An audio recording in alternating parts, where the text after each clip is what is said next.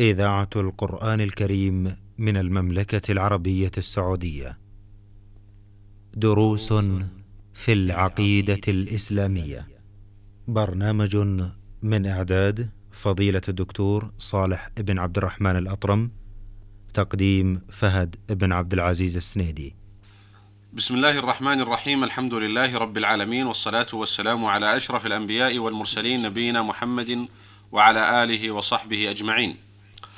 أيها الإخوة المستمعون الكرام السلام عليكم ورحمة الله وبركاته وأسعد الله أوقاتكم بكل خير وأهلا ومرحبا بكم إلى لقاء جديد ضمن برنامجكم دروس في العقيدة الإسلامية. مع مطلع هذا اللقاء أرحب بفضيلة الشيخ صالح بن عبد الرحمن الأطرم فأهلا ومرحبا بكم يا شيخ صالح. حياكم الله وبارك الله في الجميع. حياكم الله.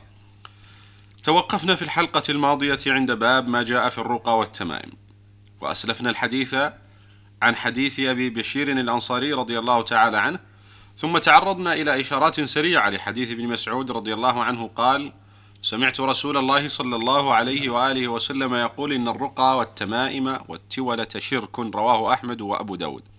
ما هي الرقى والتمائم والتولة؟ فضيلة الشيخ ثم ما هو المشروع منها وما هو الممنوع رغم أن ابن مسعود رضي الله تعالى عنه نقل في هذا الحديث قول النبي عليه الصلاة والسلام أنها شرك.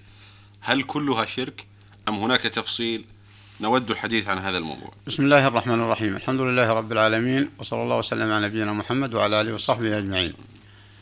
هذا الحديث جمع ثلاثة أمور. نعم. وكلها وسيلة لطلب الشفاء أو طلب الحماية من العين الأولى الرقى. والرقى المراد بها ما يرقى على المريض أو ما يرقي به الإنسان نفسه بالل- باللفظ بأن يقرأ أو يتكلم أو يدعو فإذا كانت الرقية من القرآن والأدعية النبوية. فهذا جائز.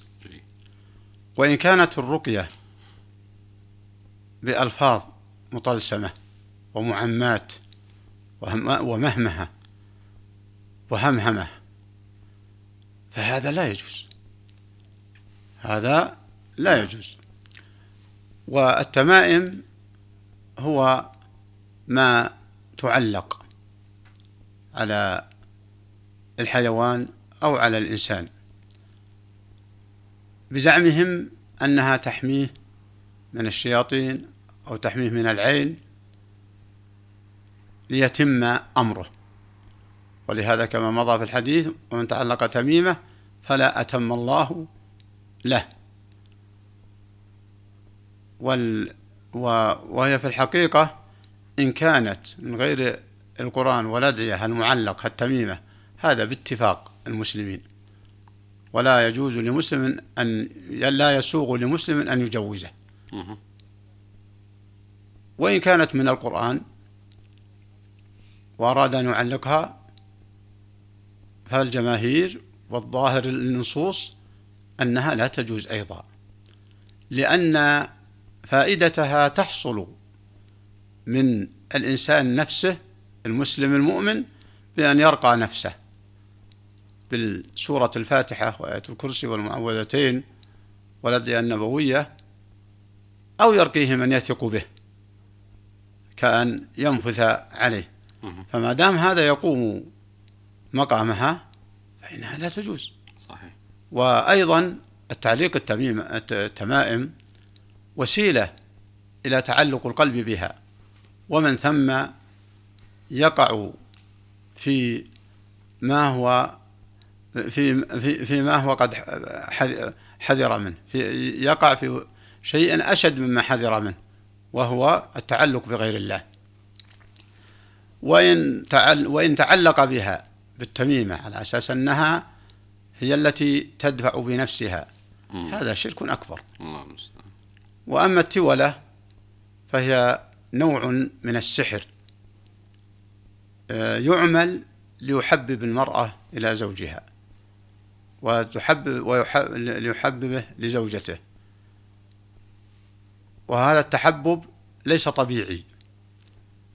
وليس ناشئا عن مودة طبيعية ودينية أو رغبة دنيوية وإنما هي نشأت بسبب هذا السحر الذي لا يعمل إلا بتدبير الشياطين ومعرفة الشياطين وإملاء الشياطين. ولهذا قال والتولة شرك. نعم. ولماذا صارت شرك؟ لأنها لا ت... لأن السحر لا يتم إلا بأن يشرك الشيطان معه. كما سيأتي لموضوع السحر نعم. الموضوع مستقل. وقد عنون له الشيخ لكونه ينافي كمال التوحيد. فجعل له بابا مستقلا. فكل ما يقال إن هذا يحبب زوجك لك فهذا غلط ومحرم وداخل في التولة. وإنما إذا أرادت أن يحب أن يحبها زوجها. أو أن يحبها زوجها زوجها إذا أرادت محبة زوجها فلتسلك الطريق المشروع والديانة الحقيقية. وسؤال ربها إن الله يهديه. وتبذل الأخلاق الطيبة والأفعال الطيبة. فهذه المحبة التي توصلها مقصودها في صح. الدنيا والآخرة. نعم. أما أما التولة فهي بلاء عليها وعلى زوجها في الدنيا والآخرة. صحيح. فلهذا قال عليه الصلاة والسلام والتولة شرك. مم. والشرك عاقبته وخيمة. نسأل الله السلامة. اللهم آمين. نعم. دعنا نقف إذا تكرمتم فضيلة الشيخ بعض الوقفات مع هذا الحديث نعم. وأخاله مهم كثيرا الحقيقة ابن مسعود رضي الله تعالى عنه إنما استدل بهذا الحديث عندما رأى امرأته علقت آه، رقية كانت معها أخذتها من يهودي كانت تشتكي زوجته كانت تشتكي زوجة ابن مسعود من عينها حسن. فكان هذا اليهودي يرقي لها كلما رقى سكنت. فقال عبد الله إنما ذاك عمل الشيطان كان ينخسها بيده فإذا رقى كف عنها. إنما كان يكفيك أن تقولي كما كان رسول الله صلى الله عليه وآله وسلم يقول. ثم علمها دعاء كان النبي عليه الصلاة والسلام يدعو به. فدل هذا على أن الرق- الرقى التي تحدث عنها ابن مسعود رضي الله تعالى عنه هي الرقى الشركية وأنه لا بد أن يتعلق الإنسان بالله عز وجل. ثم يقرأ على نفسه من القرآن الكريم ومن الأدعية الثابتة الواردة عن رسول الله صلى الله عليه وآله وسلم كما قال ابن مسعود بذلك وأشرتم إلى هذه القضية وهي مهمة. التمائم وقد أشرتم إلى خلاف أهل العلم فيها إذا كانت من القرآن ورجحتم حفظكم الله تعالى أن تركها أولى سدا لباب الذريعة. نعم. ولذلك يعت- يستدل بعض الناس بفعل عبد الله بن عمرو بن العاص رضي الله تعالى عنه وغيره والحقيقة أن أكثر المحققين يضعفون ما روي عن عن عبد الله بن عمرو ومن صححه في الرواية عن عبد الله بن عمرو عمرو رضي الله تعالى عنه إنما أوله تأويلا آخر بعيد عن تأويل من قال بأن ابن عمرو رضي الله عنه كان يعلق التمائم.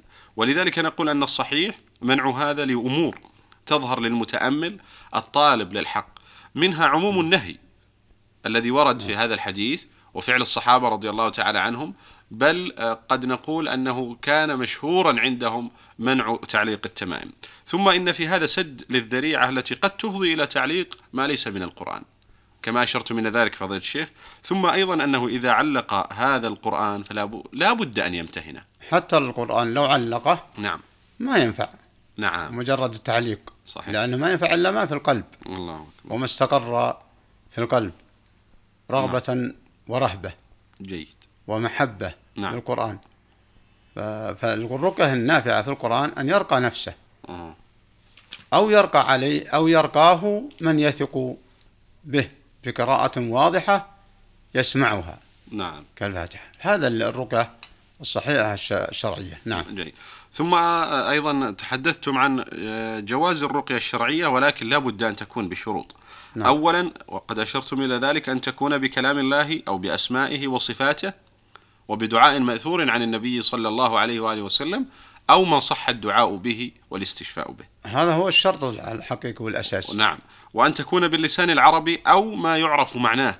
أما الطلاسم التي نشهدها في بعض المجتمعات وخصوصا عند الصوفية مع الأسف الشديد من دعوات فيها طلاسم وغرابات وكلمات ملفقة يزعمون أنها دعوة لله عز وجل آه، كركدا كركدا إلى غيرها مما هو مشهور عندهم الحقيقة ومنتشر يزعمون أنها من أسماء الله ودهدهة وأصباهوت وأهيا وإلى غيرها من الألفاض الحقيقة. هذه نمنعها تماما ونقول لا تغني ولا تسمن أبدا ولا تنفع. بل تزيد بلاء. نعم تزيد بلاء. وتزيد ضيق إن كان الله. عنده تضايق. الله وتزيده مرض. صحيح. وإن صح بدنه فإنها تزيده مرض في قلبه. نعم. أيضا- وتزيده بعدا عن الله. الله أكبر. إن كان يريد القرب من الله. نعم. وتزيده بعدا عن الجنة إن كان يريد الجنة. نعم. لأنه لم يسلك الطريق الذي رسم له على لسان محمد صلى الله عليه وسلم. نعم. ثم والأمر أيضا المهم ألا يعتقد أن أن الرقية تؤثر بذاتها. هذا الشرط الأساسي. نعم وإنما لا بد أن يعلم بل يعتقد اعتقادا جازما أن هذا التغ... التق... هو بتقدير الله تبارك وتعالى وأنه سبحانه وتعالى هو النافع الضار هو الشافي وهو المعافي جل ذكره. و... وأنه وارد. نعم. وارد كما رقى الرسول عليه الصلاة والسلام ورقي. نعم. وهكذا ال... ال... ال- الرقية المشروعة. نعم. بقرآن واضح وبلس... والدعاء بدعاء نبوي نعم. ولسان عربي. ومعروف سلامة آه، سلامة وجهة الراقي فلا بد من هذه الأمور وإلا فسينعكس على المرء الأمر. نعم. ويزداد ضيقا حينما يخالف هذه الشروط المشروعة. لعلنا نختم الحديث يا شيخ بقي يسير من الوقت. نعم. بحديث عبد الله بن عكيم الذي أورده المؤلف قال عن عبد الله بن عكيم مرفوعا من تعلق شيئا وكل إليه نعم. رواه أحمد والترمذي. هذا حديث نعم. واضح في الترهيب من التعلق بأي شيء. نعم. وإنما أصل التعلق بالله.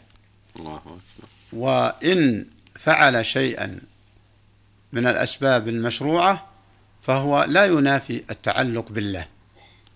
نعم. وإن كان سبب سببا مشروعا وتعلق به صدق عليه أيضا هذا الحديث. نعم. لأن عام من تعلق شيئا وكل إليه. وهل ينفع أحد غير الله أو يستطيع النفع أحد غير الله؟ إذا التوكل على الله وفعل السبب الذي شرعه الله. نعم. فإن فعل فإن فعل سببا لم يشرعه الله لم ينفعه.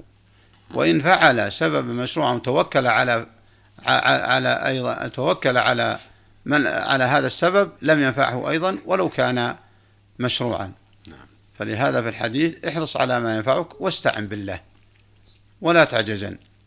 فيجمع الإنسان بين الاستعانة بالله وبين الحرص على ما ينفع والذي ينفع هو ما أباحه الله ورسوله. الأسباب الذي السبب الذي أباحه الله ورسوله. نعم. نعم. من تعلق تميمة فلا أتم الله له. الله أكبر. ومن تعلق ودعا فلا ودع الله له. نعم. نعم. شكر الله لكم يا شيخ ونسأل الله تبارك وتعالى يمن علينا وعلى إخواننا المسلمين في كل مكان بالفقه في الدين ويجعلنا وإياهم جميعا. من المقتفين سيرة نبينا محمد صلى الله عليه وآله وسلم السائرين عليها إنه جواد كريم. تقبلوا في الختام. تحية زميلي يحيى عبد الله من الهندسة الإذاعية. حتى نلقاكم نستودعكم الله. السلام عليكم ورحمة الله وبركاته. دروس في العقيدة الإسلامية. برنامج من إعداد فضيلة الدكتور صالح بن عبد الرحمن الأطرم تقديم فهد بن عبد العزيز السنيدي.